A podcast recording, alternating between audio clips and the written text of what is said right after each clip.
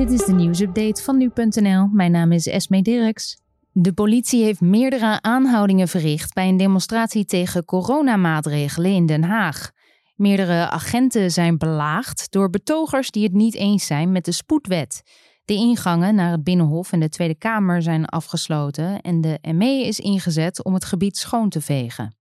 De auto die in beslag werd genomen in verband met de dood van de 14-jarige Tamar uit Marken was zeer waarschijnlijk de auto waarmee zij is doodgereden. Op de auto zijn namelijk sporen gevonden van een ongeval. De grijze Mazda 3 heeft een Duitse kentekenplaat en is ook gevonden in Duitsland. De politie weet wie de eigenaar is, maar nog niet of diegene ook achter het stuur zat. Het meisje was op 25 juli in haar eentje naar buiten gegaan. Een paar uur later vonden agenten haar lichaam in de berm van de dijk. Sinds het begin van de coronacrisis zijn meer dan een miljoen nertsen vergast in ons land. Het gaat dan om vrouwtjes en jongen bij fokkerijen waarbij een besmetting werd geconstateerd. In Nederland zijn 110 nertse fokkerijen en ongeveer een derde van de bedrijven is getroffen door het coronavirus. Bij een vastgestelde besmetting worden gelijk alle dieren vergast. En momenteel wordt uitgezocht of nertsenhouderijen misschien preventief geruimd zouden moeten worden.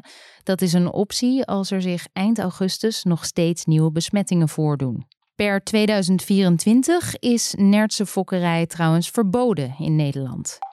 Een van de daders achter de aanslag in Manchester is veroordeeld tot 55 jaar cel.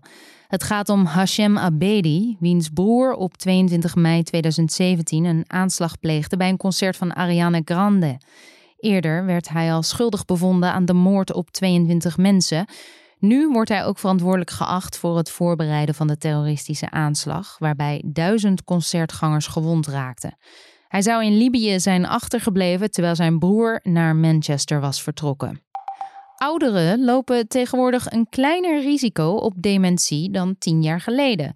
Dat blijkt uit een studie van onder meer het Erasmus MC in Rotterdam. De onderzoekers volgden 65-plussers over de hele wereld en daarvan kreeg 9% dementie. Tien jaar geleden was de kans daarop 13% hoger. Uit de resultaten blijkt dat dementie dus beïnvloedbaar is. Volgens het onderzoek hangt de daling samen met een betere gezondheidszorg. Patiënten met een hoge bloeddruk, cholesterol of hart- en vaatziekten kunnen beter behandeld worden en daardoor lopen de hersenen op leeftijd minder schade op. Dit was de nieuwsupdate van nu.nl.